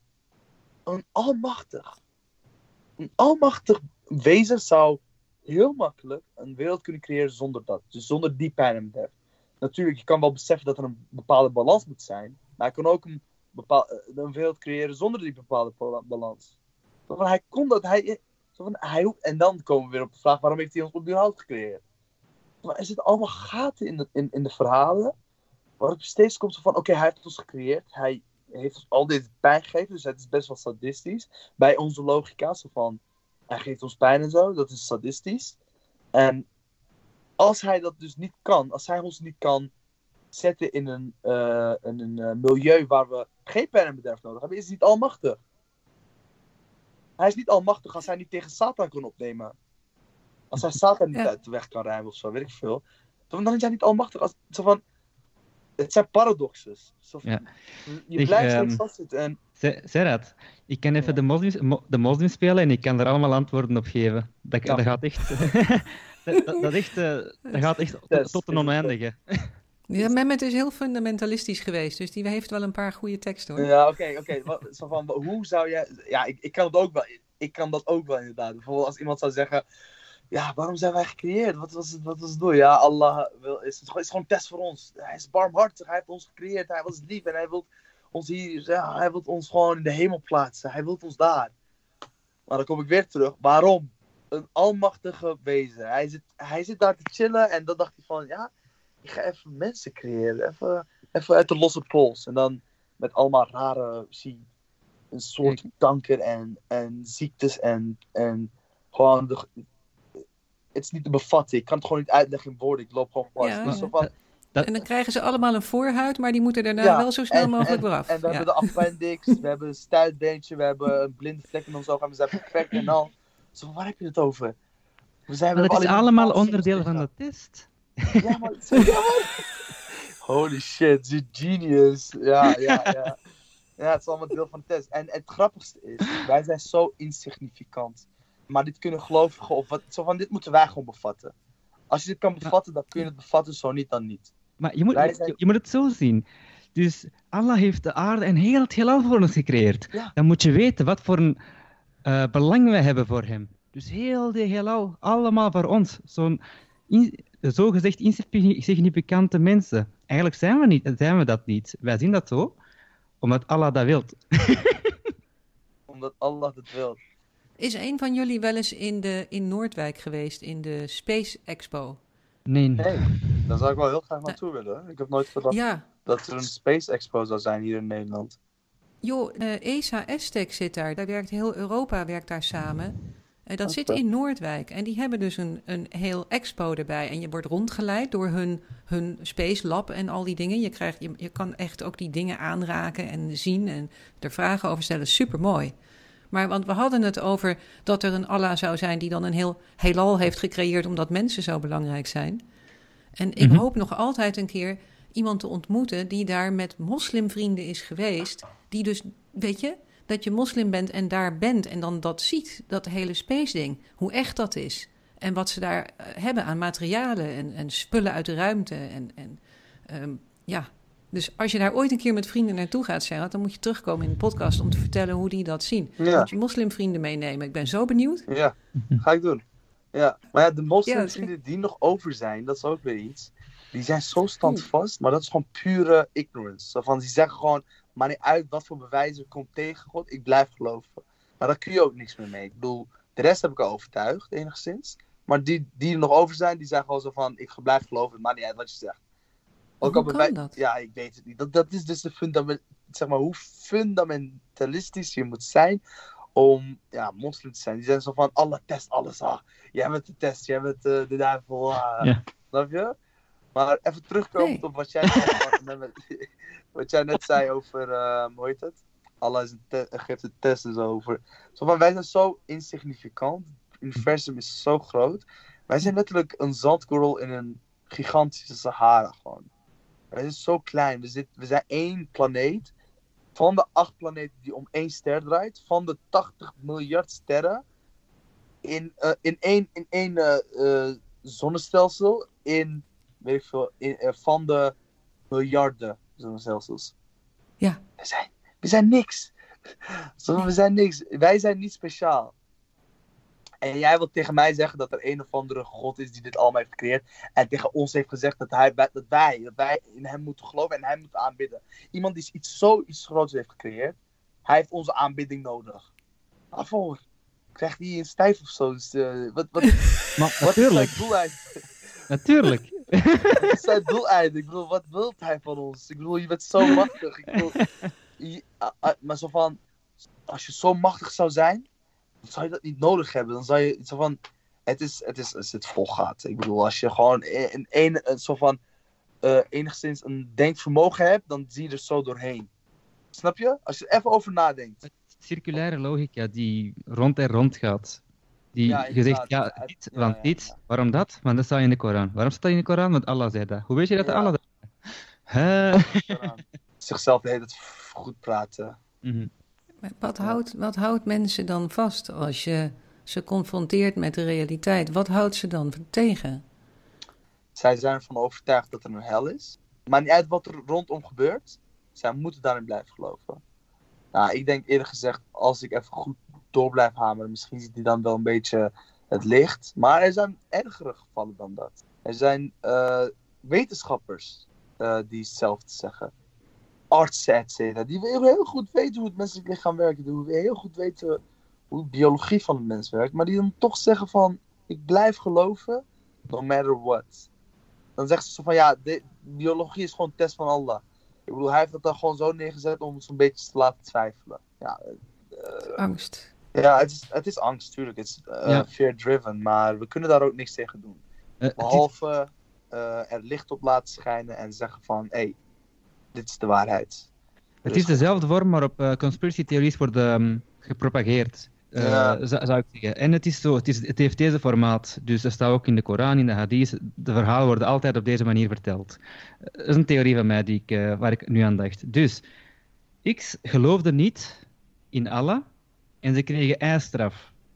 Allah had het tegen hun gezegd, maar ze geloofden niet. Dus nu hebben, hebben wij Mohammed uh, voor jullie gestuurd, zodat jullie de waarheid kunnen zien en dat jullie niet meer de voorbeeld van die vo- bevolking van vroeger die uh, tegen Allah vochten uh, zouden volgen en la la la.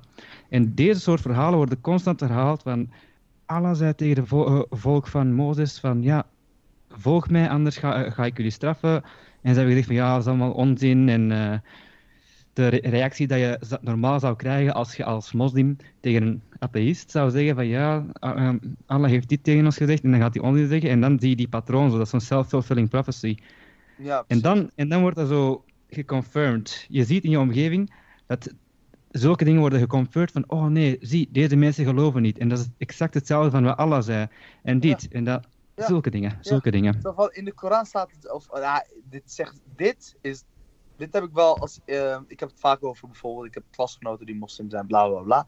Zo van, ik zeg dan van, waarom geloof je? En dan, ze weten dat ik ex-moslim, ze weten dat ik veel weet erover. En dan zeggen ze van, ja, bijvoorbeeld, eh, vroeger, Mohammed zei dat de vrouwen nu bijvoorbeeld veel minder zouden dragen. Bijna na- dat ze kleren zouden dragen, maar dat ze wel naakt zouden zijn. Dus van, ja, van, dan denk ik zo van, ze kunnen duizend dingen gezegd hebben. Als daar 10, Ja. 20 van waar zijn, dan ga je toch niet. Maar anyways, dus dat zijn dan. Jason had, daar een zeer, zeer goede quote over, die ook zo een van de dingen was die eh, mij heeft over, ja, die mij heel hard heeft doen denken toen ik moslim was. In 1400 of zoiets had je, een, eh, had je de wetenschapper Halley, of van de komeet Halley. ja. Uh, Haley heet hij, denk ik. Ja, dat was in het jaar 1400 of zo. En hij heeft kunnen berekenen wanneer die komeet telkens opnieuw terug zou, uh, zou komen. 100 jaar uh, later of zoiets komt hij terug en die wist de Ja. exacte moment, de exacte nacht, de exacte tijd dat hem, de, de komeet terug zou komen. Je kijkt naar deze um, voorspelling en je vergelijkt hem met de voorspellingen van al die profeten, heiligen en lalala van die religi religies. En je ziet dat de voorspellingen van de religies altijd zo vaag mogelijk zijn, zodat ze alles kunnen betekenen. En dan komen mensen later zeggen van, kijk, die heeft al gezegd en dat is gebeurd. Maar die zijn nooit ja, zo precies als wat de wetenschappers zeggen. Ja, Ja. klopt. Ja, de Halley was dat inderdaad. Ja. Klopt. En ook al zou wetenschap het fout hebben, ze zouden het gewoon toegeven. Ja. Ze zouden er niet mee proberen te pronken of wat dan ook, snap je? Want Mhm. er, is geen, er is geen doel, behalve de waarheid. En zelfs dat is niet het doel. Wetenschap is gewoon eh, zeggen wat iets, zo van laten zien dat iets zo is. Dus bijvoorbeeld onze, onze lucht, waar is die uit gemaakt? Oké, zuurstof, koolstof. Het is zo van, het is geen doeleinde. Niemand wint, niemand krijgt macht, niemand het is gewoon zo van, je laat gewoon zien wat het is, hoe het is. En zo van, het heeft ons geholpen om, om, om te zijn waar we nu zijn. Ik bedoel, als, als, we niet, als het niet voor wetenschap was, dan zouden we niet, eh, geen auto's hebben, geen telefoon hebben, geen wat dan. Geen, zouden we geen satellieten hebben waardoor we, weet ik veel, kunnen navigeren. Zo van, onze hele samenleving zou in elkaar storten. Maar mensen zijn fucking... We zouden geen vaccins hebben die miljarden levens hebben gered tot, gered tot nu toe. Ja, He- heeft, het, heeft het je het eh, uit de islam... Nou ja, je, je bent er eigenlijk een beetje uitgerold of uitgevallen, denk ik. ja, ja. ja. Ehm, heeft het je plannen voor je leven ook veranderd? Heeft het je ideeën over je toekomst veranderd? Of je, je ambities? Of eh, ja, de richting die je qua beroep op zou willen? Ja, ik heb nu wel een veel sterker idee van wat ik wil doen dan in de toekomst dan toen destijds. Maar ik denk dat dat dus vooral door de ontwikkeling komt en door, de volwassen woord, door het volwassen worden komt. Ja, het, het was niet zo dat ik toen ik moslim was dacht van ik wil later echt alleen maar bidden en ik wil alleen maar dat en dit en dat. Nee, dat, dat sowieso niet. Maar zo van, ja, ik heb nu wel echt een eh, beetje ja, mm, uitgestippeld als het ware wat ik wil worden. Ik heb ook hele grote ambities, maar er zijn dan dingen die ik bijvoorbeeld niet kan waarmaken. Maar goed, dat, nee, nee. het is niet dat zo dat ik ehm, eh, een hele, een, een 180 graden draai heb gemaakt nadat ik eh, ex-moslim was. Nee, je, was, je was gelukkig niet... ah, je had niet de ambitie om imam te worden. Nee, absoluut niet. Eh, Gelukkig nee. niet, nee. Dus Ik zou mezelf dat echt nooit aandoen. Jee, oh wauw. Ik zag zo van, ik vind het zo zielig. Maar ja, dat kunnen we, nee, nee, dat is, eh nou ja, ik ga, laat je, ga, praat jij maar daarover met met. Ik bedoel, eh, ik kan daar heel lang over praten. Ja, nee, ik had echt eh, plannen om imam te worden en zo toen het niet lukte bij mij, bij mijn hogere studies. Ja. Maar Maar ja, eh, heb je daar niet zo'n... dan, heeft, dan heeft mijn vader me omgepraat. Alle geluk. Oh my god, ja, beter. Kan iemand van jullie iets zeggen over islam en kunst? Ehm, Eh, is er zeker wel. Ik bedoel, niet per se islam en kunst, maar de culturen die werden beïnvloed door islam en kunst. Dus de Ottomaanse Rijk, eh, weet ik veel, de rijken daarvoor, die, daar zijn nog zeker wel kunststukken van over. Ik zou zeggen dat het Ottomaanse Rijk een slechte voorbeeld is, omdat er zeer hard werd afgewe- afgeweken van de sharia, zeker tegen, de, tegen het einde toe. Ja, Terwijl als je de rijken van wel- ervoor bekijkt, dan was dat echt extreem strikt. Ja, ja, true. Maar bijvoorbeeld als je, als je het over kunst hebt, ik denk dat de zwaardstukken en ja, zo van hoe zij eruit zagen, zeker, werd wel, zeker wel werd geïnspireerd door Mohammed in the Tribes. En dat zeg maar de kunst die ze daaraan hebben overgehouden ook wel daardoor geïnspireerd zijn. Dus ik ben, ik ben in Istanbul naar de, naar de hoe heet die dingen? Eh paleizen en zo gegaan. Ik bedoel, dat zagen er best wel uit. Ah, ja. Dus een beetje van die minaretjes en zo, snap je? Ik, ben- ik vind dat wel kunst. En ik vind het, zo van, ik vond het er wel mooi uitzien hoor. Hoe, hoe die eh, pakken eruit zagen van die... eh, Sultans. heet ja, van de sultans. En hoe heet die ene... Hoe heet die? Die, wat, die e- elite force, zeg maar. En en oké, ik heb nog een vraag. Islam en eh, gevoel voor humor. Ehm, nee, niet over zichzelf. Islam... Zelfs, Oh, oké. je gaat geen moslim hoor, grapjes over Allah horen maken. Dat gaat zo niet gebeuren. maar ik denk Nee, enigszins... eh, mm, Nou, een, een moslima heeft mij ooit een, een, een moslimgrapje verteld. En misschien kennen jullie ook wel moslimgrapjes. Zij, ha- haar grapje was, eh, hoe maakt een man zijn vrouw zwanger? Hij staart naar haar enkel. oh ja. En hoe zorgt hij dat ze... Hoe, Hoe zorgt hij dat ze een tweeling krijgen? Dan staart hij naar allebei haar enkels. Oké, die is wel leuk. Maar dat is echt meer de extremisten die je dan belachelijk maakt.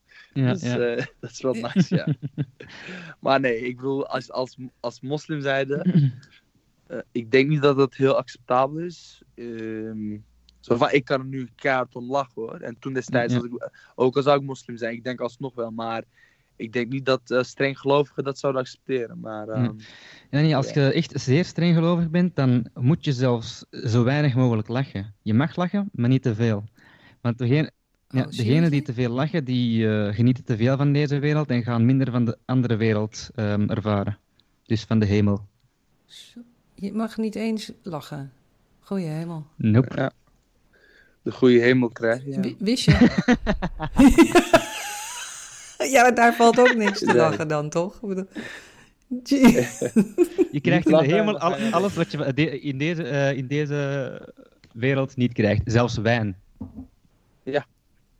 Maar hebben jullie echt, ben ik nou de enige die van een, een moslimpersoon een, een grapje over moslims heeft eh, te horen gekregen? Nee, ik denk wat Nee. Is dat Nee, zo ongewoon? nee, ik, vo- kan ik vond het ook niet erg te doen. Allee, ik was zeer streng, maar toch ging ik to- toch niet zo ver als te zeggen van ja, zo'n grap moet je niet maken of zo. Allee, ja. Ja, nee. Ik weet niet, ik heb vast wel iets gehoord of van die memes of zo. Dan zit ik op het internet, dan lees ik zoiets en dan lach je even. Maar het is niet echt dat... Ja, ik weet niet. dit is- Het is vast wel ooit gebeurd, maar het komt gewoon niet op nu. hey, als je nou, ehm, als je nou een... eh, wat zou je voor advies willen meegeven aan moslims in het algemeen? Aan zoveel mogelijk moslims. Als je nou één tweet de deur uit zou kunnen doen... waarvan je weet dat bijna alle moslims hem lezen... wat zou je dan zeggen? Ja, vertrouw in, in wetenschap en ontwikkel jezelf. Ja, niet zo van, oh, wetenschap is God of zo, maar zo van, ontwikkel jezelf en ga achter het, het wetenschap aan. Niet zo van science, maar gewoon van knowledge. Zo van het weten wat er zich afspeelt in de wereld. Wat er om je, om, om je heen afspeelt. Wees je bewust van dingen. Laat het niet over aan je geloof om voor jou te denken. Denk voor jezelf. Dat zou ik zeggen. Wees je gewoon bewust. En eh, als je nou hetzelfde zou kunnen doen voor ex-moslims... wat zou je die dan het liefst meegeven? Ehm, ja, blijf je bewust. ik bedoel, ja, die, ja, ik zo van, na, niet per se naar alle, alleen maar naar mos, ex-moslims, maar gewoon naar alle mensen. Wees bewust. Het is niet alleen voor moslims. Wees bewust over jezelf. Wees wie je wilt zijn. Ook al ben je een jood, ben je moslim, ben je homo, ben je transseksueel, ben je zigeuner, ben je wat dan ook. Wees bewust van je omgeving, van het universum, waar we in leven, wat we zijn heb een basiskennis. Zo van, ik, ik voel me gewoon stom dat ik wiskunde niet op een bepaald niveau beheers. Daar zit ik nu achteraan te mezelf wiskunde aan te leren. Want het is een taal van het universum. Het is hoe wij het universum begrijpen. Dus dat probeer ik gewoon altijd blijven ontwikkelen en kennis vergaren.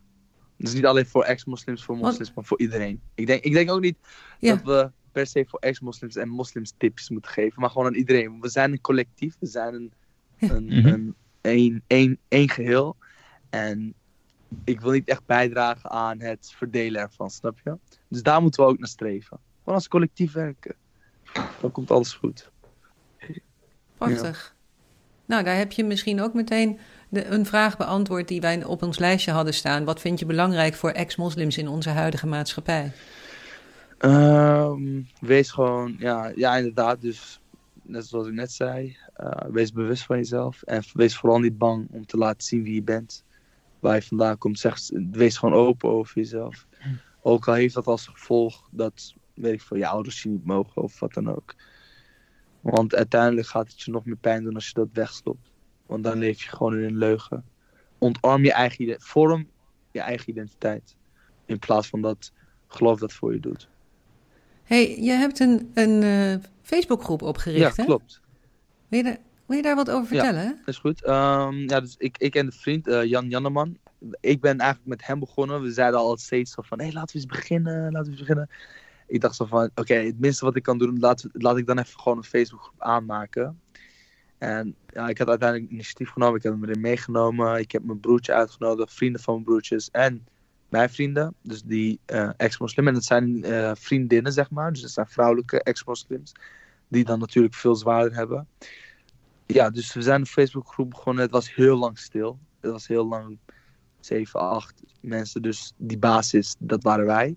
Dat was het heel lang. Ik postte af en toe van die dingen zo van dit, uh, mijn bedoeling was echt dat het een discussieforum werd. Dus van stelling, dubbele punt, God bestaat bijvoorbeeld dan. God bestaat. En als je daar dan die argumenten zou zetten. Maar nu is het wat anders geworden. is meer een uh, forum geworden dan alleen discussie. Maar goed, nu zijn we wat meer, we hebben wat meer leden. Ik denk nu 23, 24. En ja, ik vind het wel fijn. Um, dat mensen erbij komen met dezelfde gedachten, met dezelfde ervaringen. Um, die we dan enigszins kunnen helpen. Bijvoorbeeld, uh, we hebben ook een paar in de groep die we die zeker nu door ja, narigheden gaan, die, moeilijk, uh, die het erg moeilijk hebben.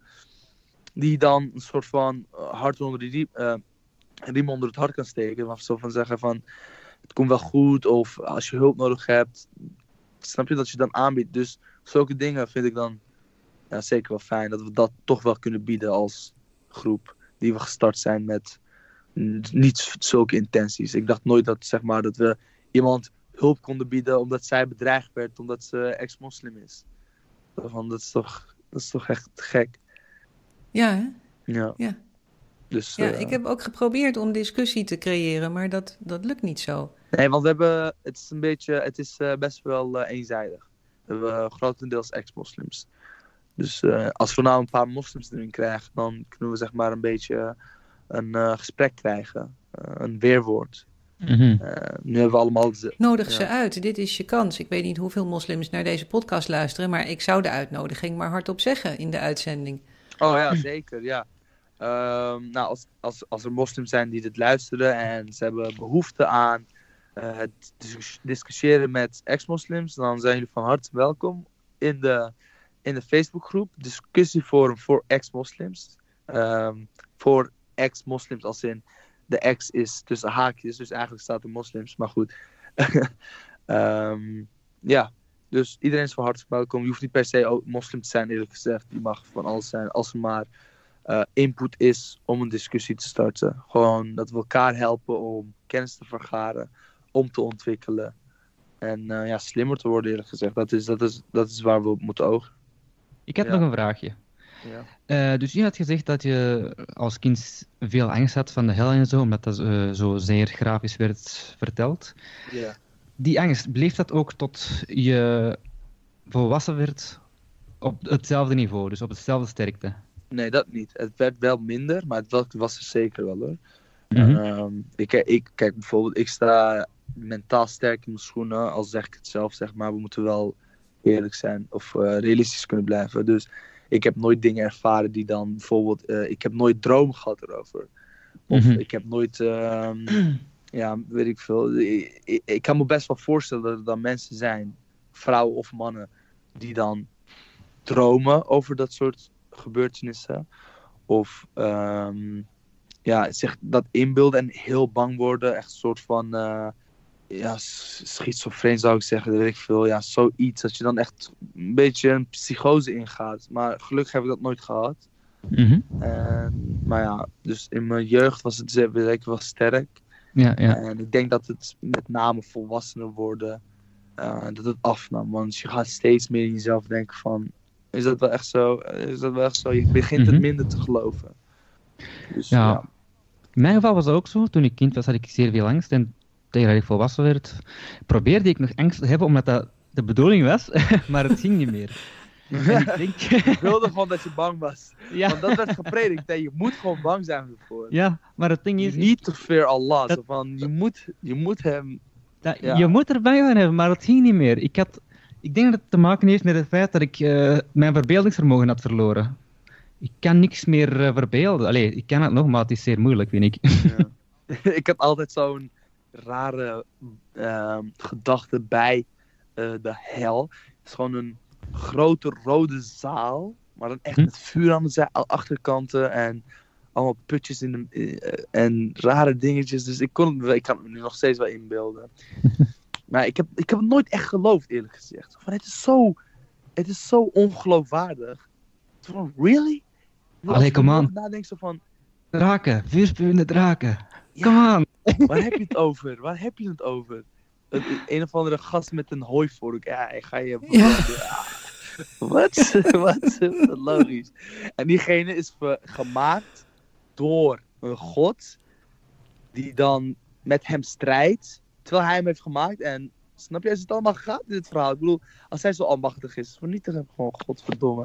Er is een hele mooie grap eh circuleert op het internet over de hel. Ik weet niet of jullie die kennen. Ehm, er gaan, eh, gaan twee atheïsten dood en die, eh, die komen dus in, in de hel, want ze zijn atheïst. Dus ze worden keurig netjes door de duivel ontvangen. En die zegt, nou, ik zal jullie even rondleiden. Nou, het is werkelijk prachtig. Schitterende parken en paleizen en overal tafels gedekt met alles wat je maar lekker vindt. En overal sexy mensen waar, waarmee je een, eh, seks zou kunnen hebben als je zou willen. Het is echt gewoon geweldig. Het is echt paradijselijk. En dan komen ze aan, het, eh, aan de rand van een van die parken en daar staat een hek en daarachter nou, er komt een stank uit en een zwavellucht en een gegil en een gejammer en een gekrijs. En dan kijken ze daar en dan zien ze daar dus de hel zoals op al die plaatjes staat uit het christelijke geloof. En dan zeggen ze dus tegen die duivel van, oh, wat is dat? En die duivel die haalt zo zijn schouders op en die zegt, ja, ik, dat zijn de christenen. Ik weet niet, maar die willen dat zo. Ja, nice. Dat is ook gewoon zo van. Dat, dat, zo van, dat is inderdaad gewoon een grap, maar best wel zo van als je erover nadenkt. ehm, het is wat jij denkt dat het is. Zo ja, God is de beste omdat jij denkt dat het is. Jouw God bestaat omdat jij denkt dat het bestaat. Maar zo van, heeft de dat laat mens niet van- gecreëerd, de mens heeft God gecreëerd. ja, de mens heeft God Ja. gecreëerd. Ge- De gedachtes, die creëert iets. Dus van wij hebben God gecreëerd, wij hebben de hel gecreëerd. Wij zetten er een waarde aan. Wij geven er een waarde aan. Ja, ik, had- toen ik gelovig was, had ik de gedachte van ja, als ik iets zou vertellen aan een ongelovige, ja, dan moet ik oppassen, want die gaat dit niet begrijpen en die heeft heel die achtergrond niet en dan moet ik daarmee oppassen en la la la. Ja, Ja, zeker waar. Ik bedoel, eh, ja, dus je kan, er zal altijd vervorming plaatsvinden. Ik bedoel, als je als moslim dingen wilt vertellen over je geloof, dan ga je de dingen eruit laten die, die geloof, ongelovigen niet gaan begrijpen. Dus bijvoorbeeld de Nederlanders gaan niet begrijpen waarom wij, weet ik veel, eh, de vrouwen thuis laten. Eh, snap je dat soort dingetjes? Of eh, dat wij, weet ik, ja, met de rechterhand water drinken en met de linkerhand naar de wc gaan, met de linkerhand je kont vegen, dat soort dingetjes. ja, Dus die laat je dan natuurlijk weg, maar dat zijn die gewoontes van Mhm. een geloof. De gewoontes, dus die, die kun je dan, zo, als ik er nu op terugkijk, zo van, is zo stupid. Ik bedoel, ik weet niet of, jou, of jouw ouders dat ooit verteld hebben aan jou, Mehmet, maar zo van, bij mij was het, ah, drink met je rechterhand. Anders Ja, ja. in je water, drink rustig. Ja. Of stap met je linkervoet de wc Anders gaat, in. Want, de, eh, anders gaat eh, Shaitan samen met jou drinken, zeiden ze. ja, anders gaat Satan zo in je kont en dan gaat hij in je water en dan gaat hij in je water drinken. En dan, daar kunnen we heel lang over doorgaan. maar het waren allemaal gewoon, er waren zo van geschriften en gewoonteregeltjes die je dan moest volgen. Ja. Je mag niet met je linkerhand, eh, eh, nee, je mag niks met, niet, geen vieze dingen doen met je rechterhand. Want rechts is heilig of zo. Ik weet ook niet waarom eerlijk Ja. gezegd. Zo van, het is best wel racist to people that actually are left-handed. toch? Ja. Als je links bent, dan ben je gewoon de lul. ja. Absurde die ik heb gehoord. Maar dat was echt, dat is in de, in de, in de, bij de nonnen, van in het eh, christelijke geloof, je wordt gestraft als je met links schrijft. Ja. Je wordt het gewoon afgeleerd. Je wordt het gewoon afgeleerd. Je wordt gewoon met linealen geslaagd, omdat je gewoon met rechts gaat Ja. schrijven. Maar goed, ehm, dus dat soort dingetjes. Ja. Het meest absurde dat, eh, dat ik heb gehoord, ook zo van die kleine dingetjes. Van als je zit met je benen over elkaar, dan eh, gaat er een nieuwe Satan ge- geboren worden. Hoe ja? Ja, hoe is dat dan? Hoe is dat logisch? Ja, Ja, kijk, zorg ervoor dat eh Shaitan op jou gaat zitten en dan gaat hem daar seks hebben en dan krijg je een nieuw kind. Geen idee. Of hij komt uit je kont, omdat je zeg maar je kont optilt. En dan zie je zo'n baby Satan geboren worden. Yeah! Ja, dat is zo schreeuwen. Geen idee, maar dat is het eerste dat ik ooit had gehoord. En toen ik moslim was, geloofde ik er zelfs ook niet in. Ik had dat gehoord van Ja, een familielied. Ik dacht van, ja. waar Dat de fuck haal jij dat? Waar heb je dat van gehoord? Zelfs als ik moslim zou zijn, inderdaad. Ik bedoel, ik denk niet dat alle moslims het geloven hoor, maar goed. Nee. Ja, ik hoop dat het eh, uitbreidt. Ik hoop dat het groot wordt. Ik wens jullie heel veel geluk hiermee. Dankjewel.